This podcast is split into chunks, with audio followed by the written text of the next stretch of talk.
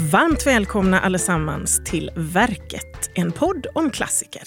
Idag ska vi prata om den svensk-samiska författaren Sara Ranta Rönnlunds bok Nådevalpar från 1971. Och är det en klassiker kanske ni undrar? Och just den frågan och mycket annat ska vi ägna oss åt i det här avsnittet. Jag heter Paulina Helgesson och mina två gäster i studion idag är Katarina Pirak Siku och Ann Heit. Välkomna! Tack. Tackar. Och jag tycker att ni får presentera er själva. Det blir roligast så. Vi börjar med dig Katarina. Nu får du berätta vem du är. Jag heter Katarina Pirak Sikko. Jag är konstnär. Jag är född och uppvuxen i Jokkmokk där jag numera bor. Ann, nu får du ge oss lite info om dig själv. Jag är docent i litteraturvetenskap och jag har skrivit väldigt mycket om samisk och tornedalsk litteratur under senare år. Och bland annat om Sara Ranta Rönnlund faktiskt. Ja, och jag tänker så här, du ska få fortsätta lite Ann, för innan vi ger oss in ordentligt i detta så behöver vi veta lite, vem var Sara Ranta Rönnlund egentligen? Ja, Sara Ranta Rönnlund hon föddes 1903 i Kallasvuoma sameby som numera heter Leivas. Och hon dog i Uppsala 1979. Hon växte upp i en nordsamisk nomadiserande renskötarfamilj. Och det är den här nordsamiska eh, miljön som hon beskriver i sina böcker som kom ut på 1970-talet. Där måste jag bara flika in. För att man pratar om nordsamiskt och sydsamiskt. Mm. Vad, är, vad är skillnaden så att säga? Ja, det finns olika eh, samiska grupper kan man säga. Och eh, det är de renskötande samerna är ju i huvudsak då nordsamerna. Då. Men sen så finns det alltså flera olika samiska grupper som använder olika varieteter av det samiska språket. Mm. Det finns eh, lulesamer till exempel och det finns sydsamer och, och ja, många flera grupper helt enkelt. Hon eh, levde alltså med sin familj under sin barndom och ungdom ända tills hon gifte sig. Och första gången hon gifte sig så var det med en man från Tornedalen. Och det hade ju då ganska stor betydelse för hennes liv för i och med det här äktenskapet så lämnade hon det nomadiserande livet och blev bofast. Så hon bodde då i lästadianska byar i Tornedalen under den period som hon var gift med den här mannen. Och det var byarna Nilivaara och Dokkas. Och det här äktenskapet det upplöstes så småningom då. Och då flyttade Sara Ranta Rönnlund till Gällivare där hon bodde med sina barn och hon gifte om sig med en ny man. Och när han gick bort då så blev hon änka och bodde kvar ett tag i Gällivare.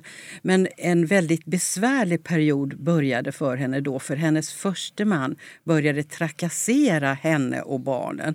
Eh, han eh, kunde vara ganska våldsam den här första mannen. Han hade suttit i fängelse för hembränning och misshandel bland annat. Och som en följd av det här så flyttade Sara Ranta Rönnlund till Uppsala med eh, sin familj då. Och det är alltså bakgrunden till att hon bosatte sig i Uppsala. Och där försörjde hon sig som städerska och hembiträde och fabriksarbeterska. Och det var genom sitt jobb som städerska som hon kom i kontakt med Björn Kolinder på finsk-ugriska institutionen vid Uppsala universitet. Han uppmuntrade henne att skriva ner sina berättelser och minnen. Och han eh, ordnade också så hon fick kontakt med ett förlag som kunde ge ut hennes böcker. Så det hade som resultat då att Sara började skriva på kvällstid efter att hon hade arbetat färdigt. Och sen efter att hon hade pensionerats så publicerades hennes böcker. Och som Paulina nämnde då så är den första boken Nådevalpar berättelser om nomader och nybyggare i norr som kom ut 1971. Och sen så kom ytterligare tre böcker då med minnen och berättelser om livet i Lappland. Och det är då huvudsakligen från hennes tidiga liv då, då hon levde med sin renskötande familj. Och eh, den andra heter Noider, berättelser om trollkarlar och trolldom i Sameland. Den kom 72. Och sen kom Njolpas söner, berättelser om dagligt liv i norr från 73. Och till slut då sist i Raiden, berättelser om ett uppbrott som kom 1978. Och som jag nämnde då så gick hon bort 1979 då. Mm. Så att det var ju under den senare delen av sitt liv efter pensionen som hon blev författare.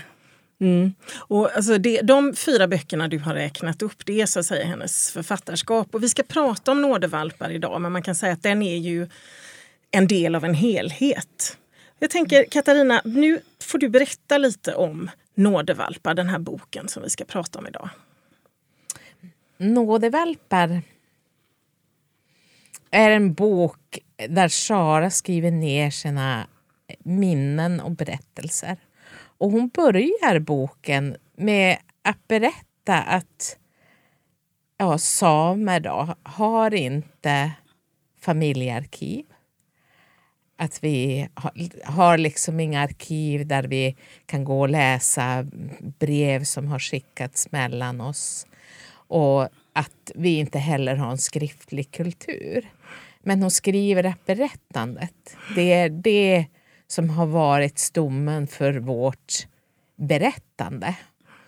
Och det hon gör i boken det är att hon berättar om, hon berättar om sin familj eh, och sin familjs historia. Mm. Och hon berättar om saker hon själv har upplevt och saker som hon har hört. Ja, för det här är ju det muntliga berättandet som, som ligger till grund så att säga för ja. det som hon sen skriver ner. Mm. Jag tänker ordet nådevalpar. Vad betyder det egentligen? Det är inget ord som jag känner igen. Nej, och är inte heller riktigt ett ord som jag känner igen. Men hon, jag vet, hon, hon skriver ju om det i samband med lästdianismen. Så nådevalpar, är det ett ord? Du? Ja, det är ett väldigt vanligt ord inom lästadianismen. Och det var ett ord som Lestadius själv använde om personer som hade blivit omvända till väckelsen. Så en nådevalp är alltså en person som har fångats av den lästadianska väckelsen och blivit lästadian. Då.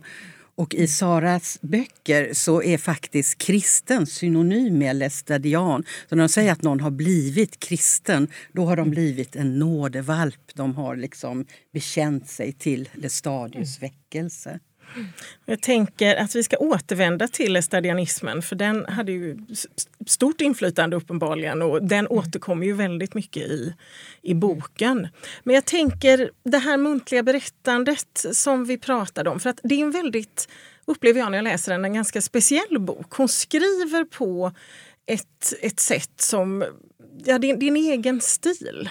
Ja, alltså Sara Ranta Rönnlund hon kallas ju ofta för en väldigt sån här frejdig eh, muntlig berätterska då, eller som berättar i en muntlig stil. Då. Och det är klart att som Katarina sa så är ju det här en berättarstil som finns i den samiska kulturen. Eh, samtidigt så tycker jag eh, så får man ju skilja på berättaren Sara Ranta Rönnlund i de här böckerna. För det är ju alltså en vuxen berättare som befinner sig i Uppsala som ser tillbaka mm. på sin barndom och ungdom. Och den här vuxna berättaren har ju erfarenheter och kunskaper som barnet och ungdomen inte hade och har väl också ändrat syn på saker och ting. Men utan tvekan är det ju så att stilen är väldigt muntlig. Samtidigt så får man ju se lite grann vad detta kan ha för bakgrund. För det är klart att man kan säga att Sara Ranta Rönnlund hon vill väl kanske framstå som en stark person som inte tvekade att kritisera auktoriteter och ta ställning i olika samhällsfrågor. Eh, samtidigt så har ju hennes dotter beskrivit att hon var väldigt utsatt i det här första äktenskapet eh, då hennes man kunde misshandla henne och behandlade henne oerhört illa. Då. Så det var ju på många sätt en traumatisk period för henne då.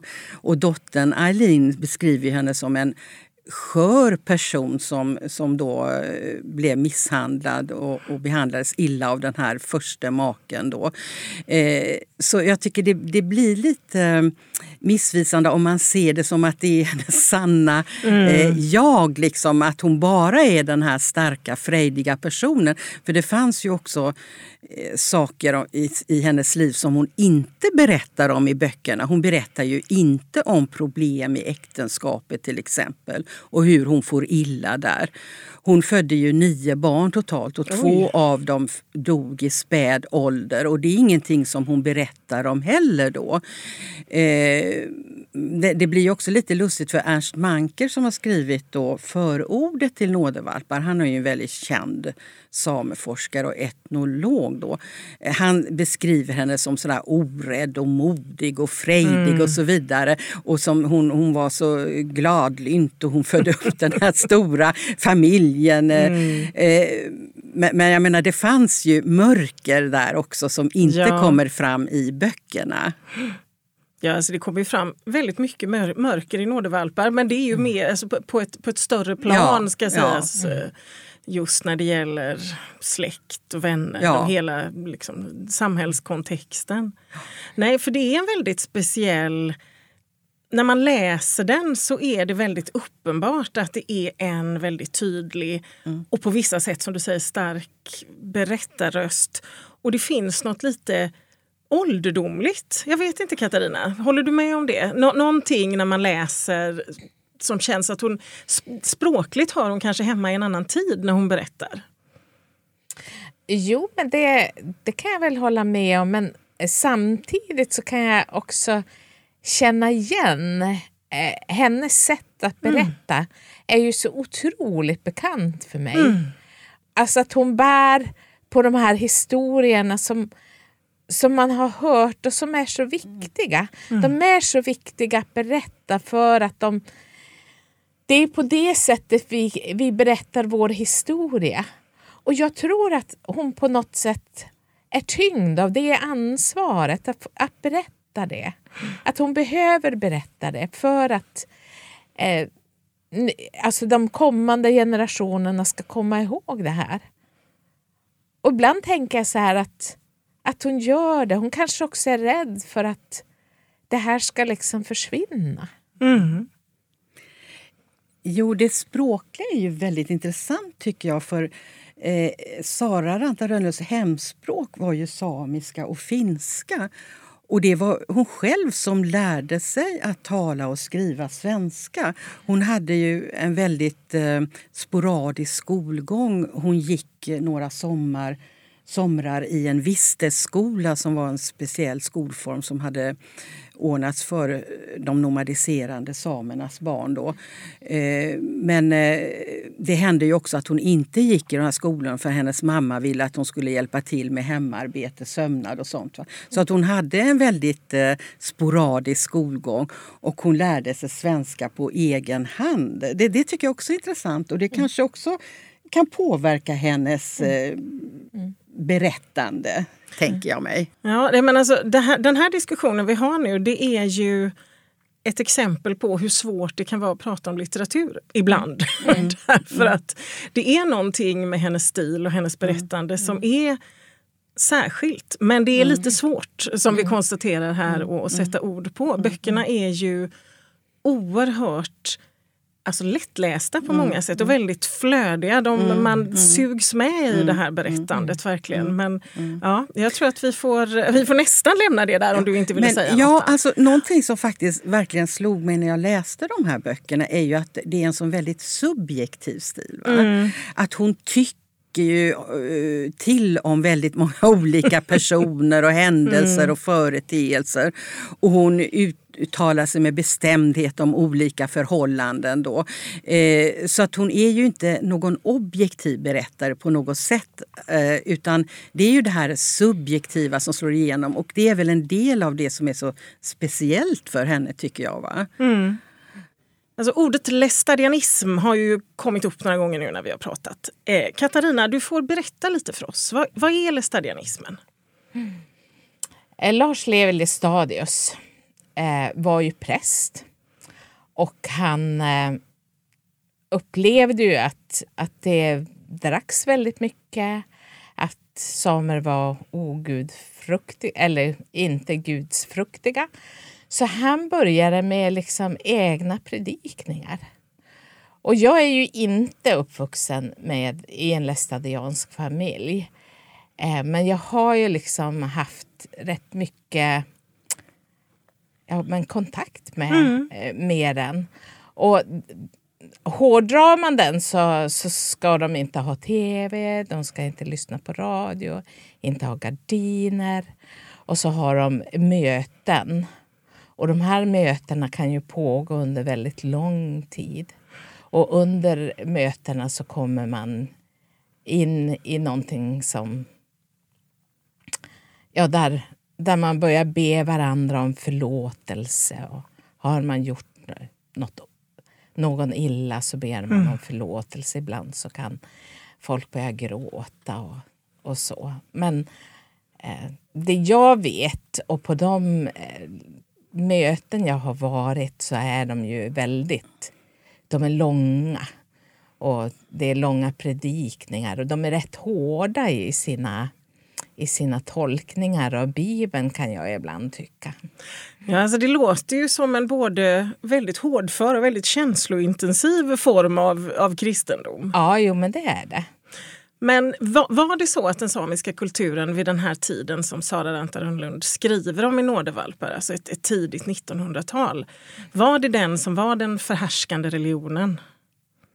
Det tror jag ju att det är. Mm. Att, mm. Och det fick väldigt stort genomslag just bland eh, finskspråkiga grupper och bland samer på hela Nordkalotten faktiskt. Ja. För när jag läste Nådevalpar så slog det mig att Sara Rantarundlund är väldigt kritisk emot många av de här storpredikanterna som hon eh, kallar det. Alltså, hur påverkade lästadianismen livet för, för de samer som tillhörde den här tron?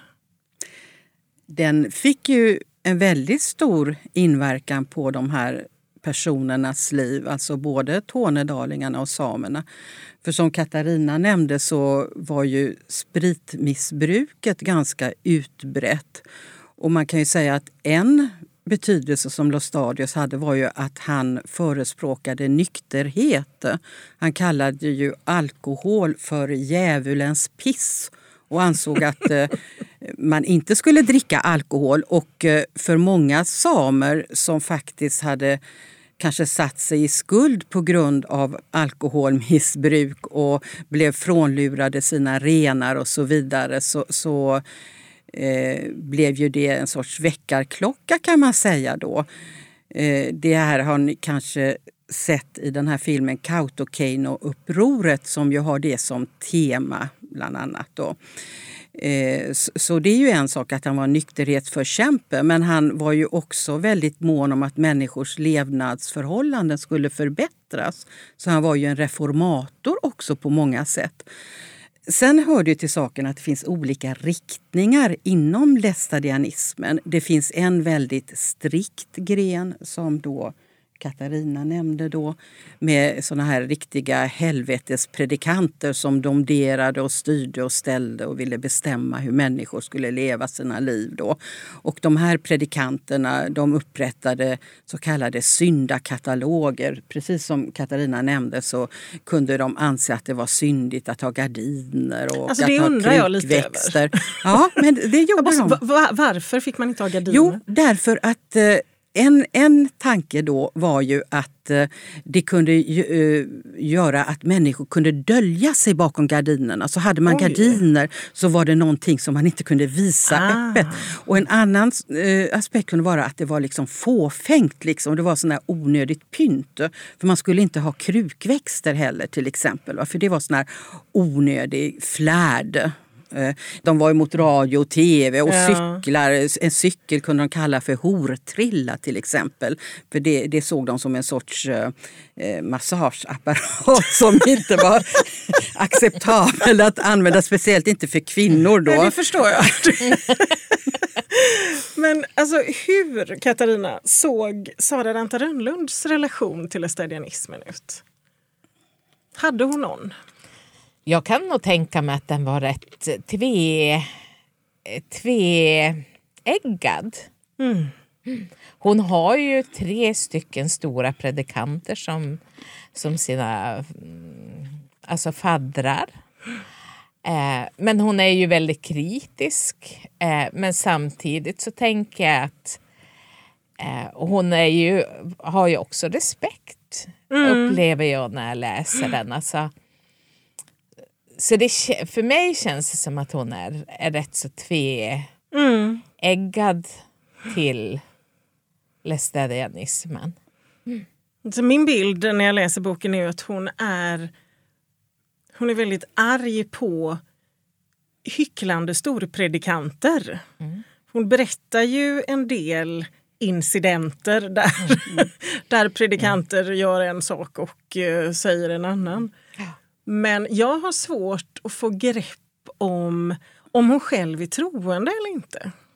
Och det spelar kanske ingen roll, men det är svårt att veta utifrån när man läser boken. Det är precis det jag också sitter igen med. Ja. Den känslan liksom alltså, vart, vart står hon liksom? Ja. För det, det kommer inte riktigt. Och, och det är ju med all rätta hon är jättearg på de här predikanterna. Det kan ju jag också känna. Ja. Ja. Nej, men det är ju utan tvekan så att hon, hon ehm, tar avstånd från eller ser väldigt kritiskt på många inslag i lästadianismen. Jag tolkar det mycket som att det är den här vuxna, lite äldre Sara Ranta Rönnlund som ser tillbaka på de här fenomenen och då så att säga ser hon dem med den här eh, ska säga, moderna människans upplysta blick. Då, va? För hon eh, vill ju ofta framställa sig själv som en modern människa som tror på utbildning och vetenskap. Då, va? Och hon ser det som att vissa inslag i den här lästadianismen, kanske det mesta då, Ja. eh, hör hemma i en sorts gammal värld med vidskepelse, irrationalism. Eh, och att det är det hon så att säga är kritisk mot. I en av böckerna finns en väldigt intressant episod där hon kontrasterar en präst i den eh, svenska statskyrkan, den lutherska svenska statskyrkan med de här lästadianska predikanterna. Och han framställs då som en positiv representant för kristendomen. För han är liksom utbildad då. Va? Och han vet hur man ska behandla människor. Till exempel en viktig sak för henne är att människor behandlas lika. Då. Att man inte behandlar fattiga människor nedlåtande och föraktfullt vilket hon då upplever att de lästadianska predikanterna ofta gör. Va? Eh, så, så där kan man säga att det blir en sorts kontrast då mellan den här upplyste eh, prästen som tillhör Svenska statskyrkan och de här eh, predikanterna då som hon ser som eh, outbildade och eh, irrationella. Ja, och alltså, de här storpredikanterna, och de är ju alla män, det behöver man knappt ens konstatera i den här kontexten. De utgör ju bara en del av ett väldigt tydligt patriarkat. För det är ju en av de sakerna som man verkligen märker när man läser boken. Att kvinnorna kan inte ha haft det så himla lätt. Nej. Jo, men det är ju så att i ett kapitel så beskriver hon ju hur hon blir sina bröders piga. Och det är klart att hon är ju otroligt kritisk mot detta då. För hon ser det ju som att hon blir utnyttjad då. Hon förväntas arbeta gratis och utan någon som helst tack eller uppmuntran. Och det ses som självklart att hennes bröder kan utnyttja henne som arbetskraft. Så, så hon är väldigt kritisk mot det. Och eh, det är ju någonting som den samiska litteraturforskaren Vuokko Hirvonen tar fasta på i sin bok om samiska kvinnors författarskap. Att det finns en eh, medvetenhet om genushierarkier hos Sara Ranta Rönnlund och att hon är väldigt kritisk mot dem. Då. Och hon påpekar också, Vuokko Hirvonen, att det skiljer Sara Ranta Rönnlund från andra samiska berättare som berättar då om minnen från, eh, från eh, förr och tidigare skeden.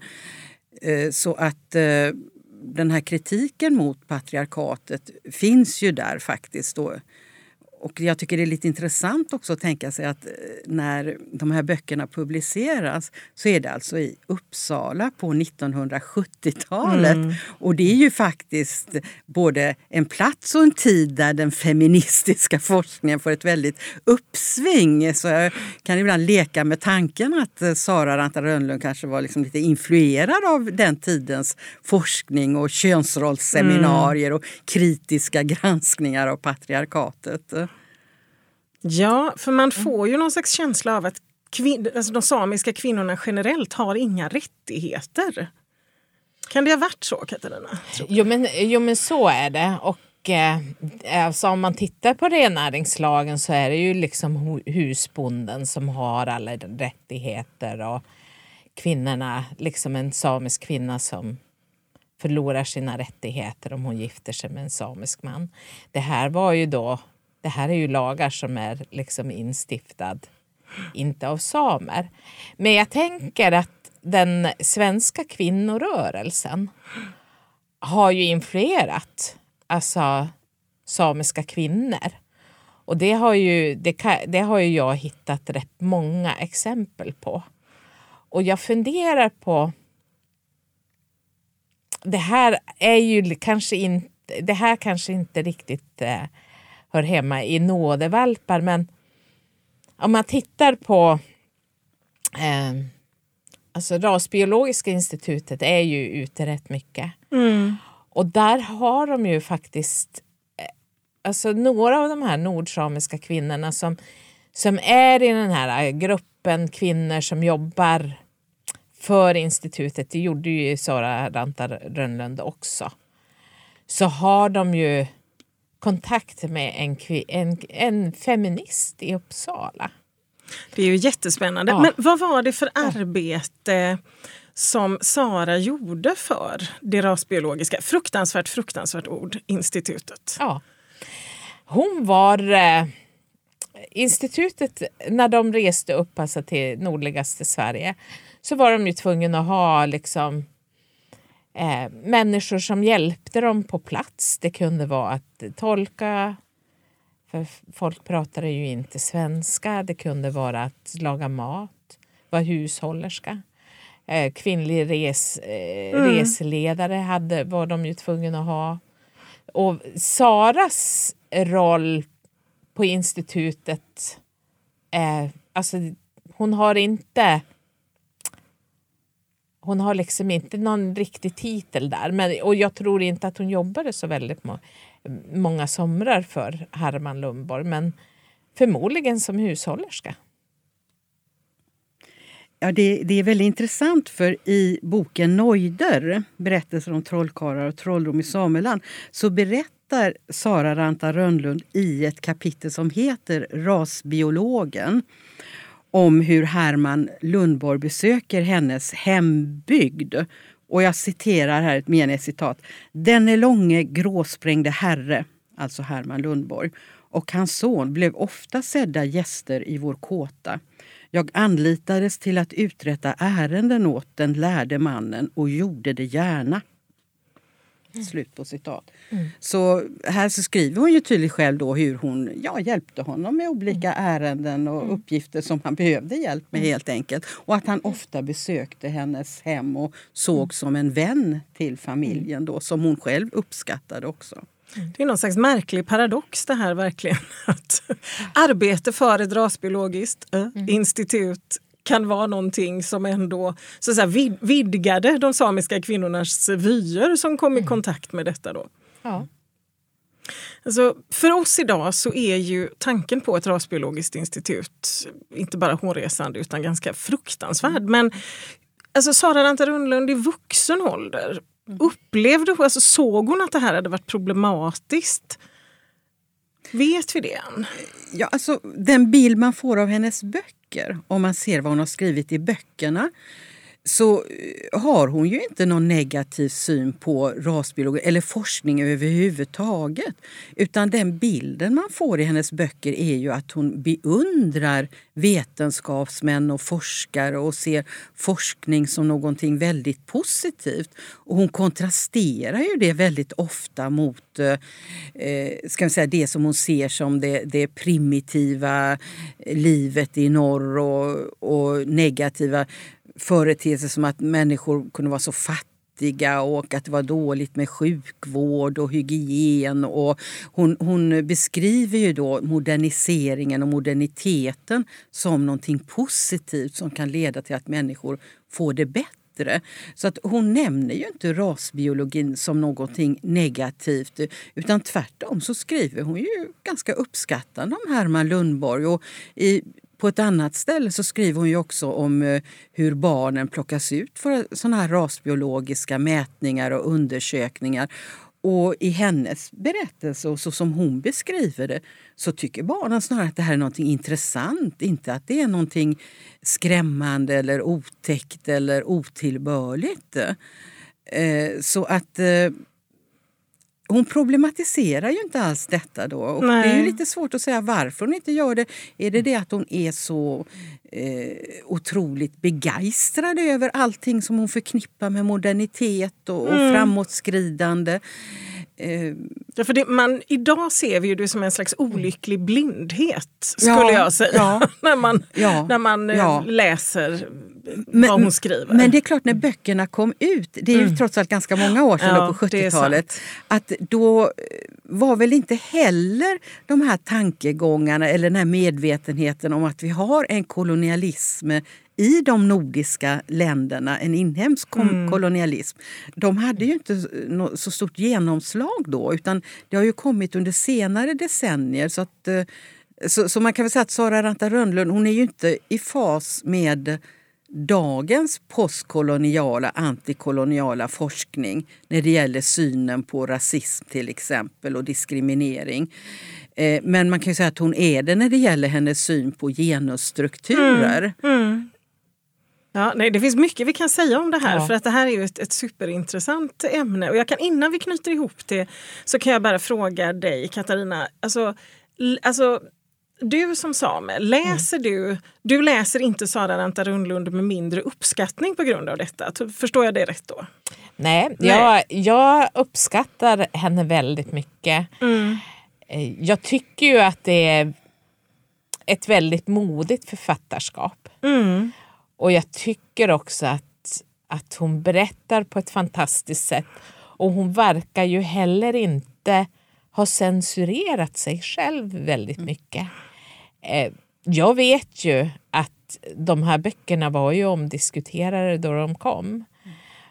Och de hon skriver om, är man från det här området så vet man ju vilka hon skriver om. Ja. Och de uppskattade inte hennes eh, böcker så väldigt mycket. Nej, och det kan man ju förstå, för det är precis som ni båda har sagt tidigare att hon är ju kritisk när hon skriver mot väldigt mycket som har med det sammanhang hon kommer ifrån att göra. Mm. Mm. Och det här med mottagandet är ju jättespännande för jag tänker att det finns ju två sorters mottagande här att förhålla sig till. Dels då, mm. vad ska man säga, kritiken på något slags nationellt plan och sen den här den samiska kontexten. Eh, om vi börjar med det här hur böckerna togs emot av kritiken, alltså på det, på det litterära fältet mm. som det så fint heter. Jo, när de gavs ut av Askild och Kärnekull på 1970-talet så fick de ju ett positivt mottagande och Sara Ranta Rönnlund hon blev uppmärksammad i media och man såg det som att hon gav en bild av ett Sverige som väldigt många inte kände till, åtminstone människor då som inte är från norra Sverige. Och det såg som ja, intressant och viktigt. Sen så hör det till saken också att hon skildrar en brytningstid i sina böcker och det framgår ju av den här titeln då, eh, Sista rajden. Då. Eh, det är ju den här brytningstiden och det här gamla samhället håller på att försvinna eller förändras. Då, och Sverige håller på att moderniseras och det moderna folkhemmet håller på att växa fram. Då. Eh, så att det är också väldigt intressant tidsbild hon ger då av ett samhälle i förändring och hur moderniteten kan påverka samhället. Och där kan man ju säga att hon själv då är en person som påverkas mycket av de här moderna inslagen i samhället som hon såg på med uppskattning. Då. Mm. Inte minst när det gäller utbildning och sjukvård och forskning och vetenskap.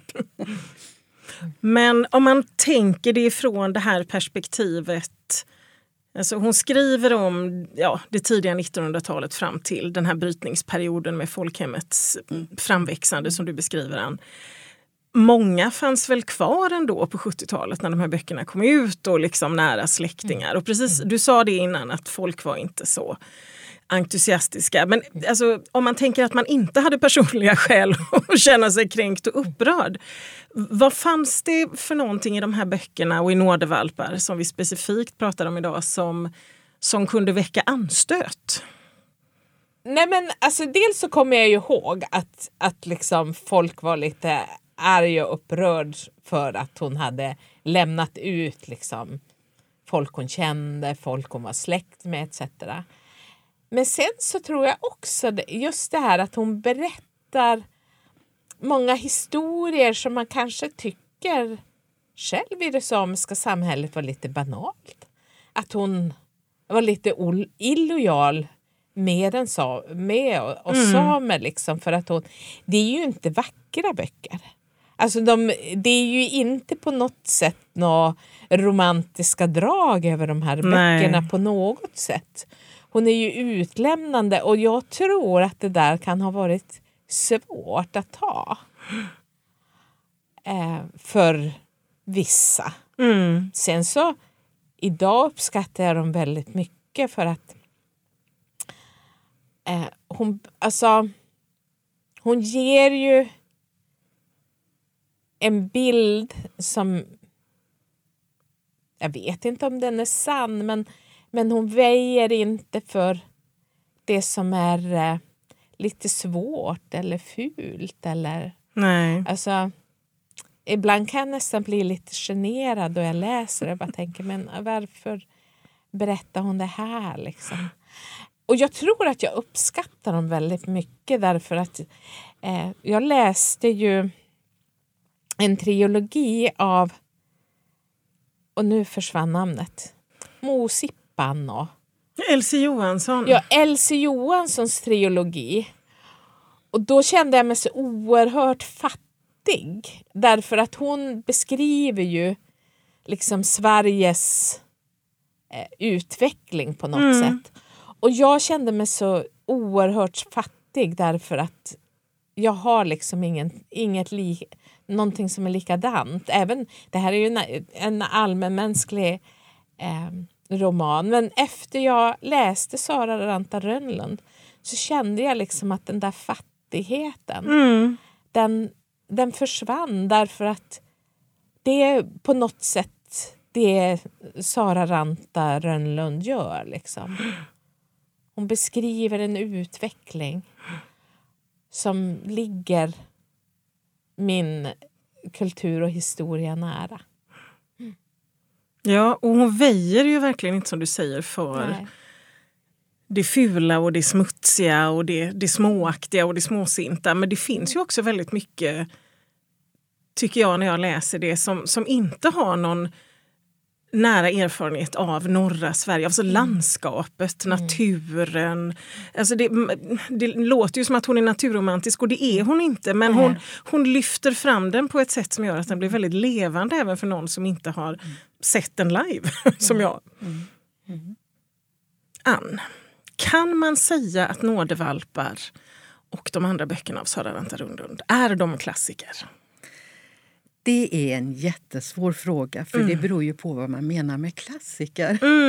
Eh, I min undervisning, då, då jag undervisat i litteraturvetenskap, bland annat blivande svensklärare, så har vi ibland diskuterat vad är en klassiker? Ja, det kan man prata om hur Och det länge kan man som prata helst. väldigt länge om. Ja. Eh, men om du med klassiker menar en bok som är värd att uppmärksamma och värd att läsa idag så tycker jag ju absolut det.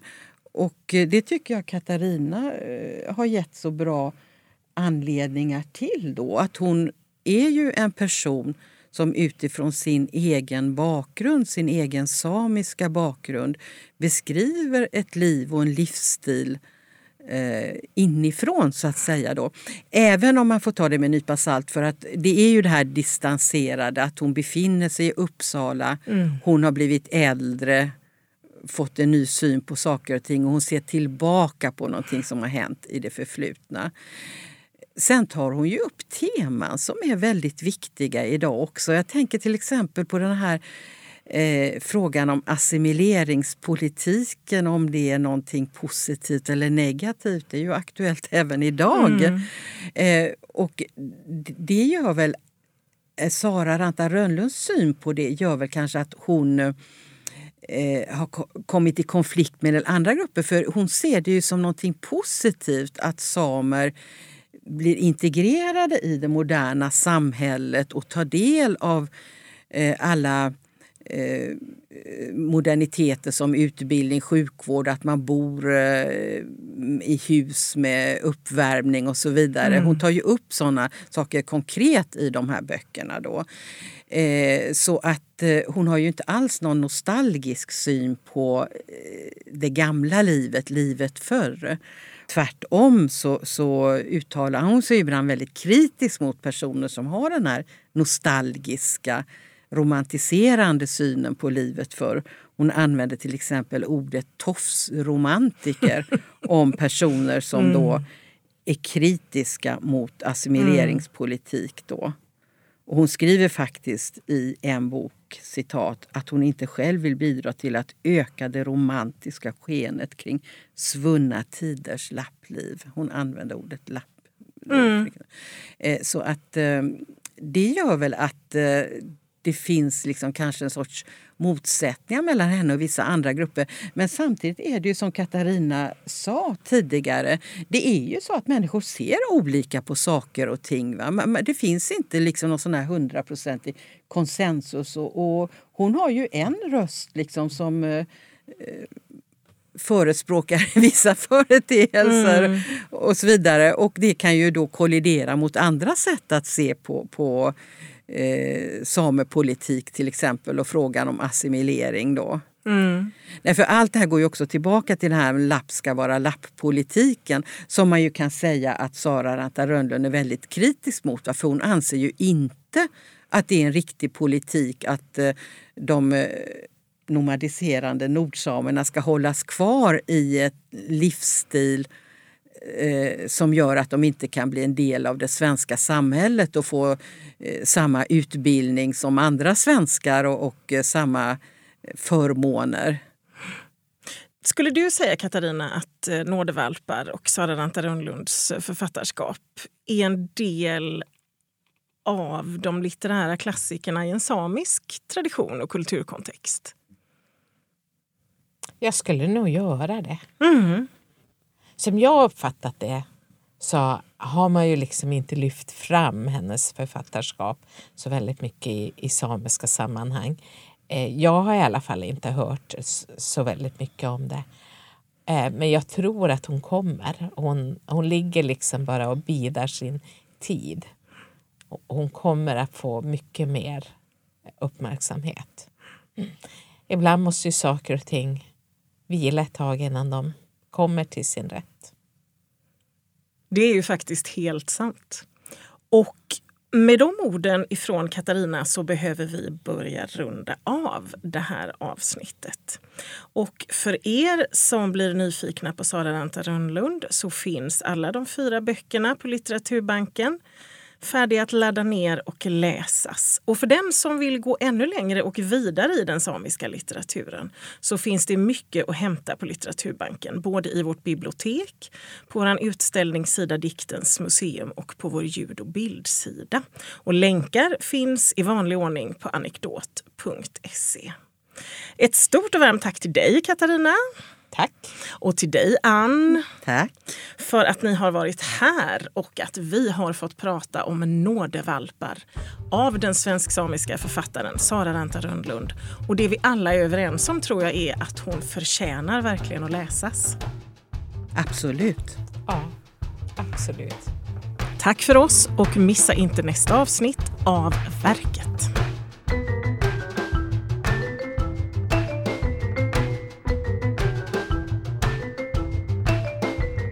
Du har lyssnat på Verket, en podd om klassiker, producerad av bildningsmagasinet Anekdot i samarbete med Nationalmuseum och Litteraturbanken.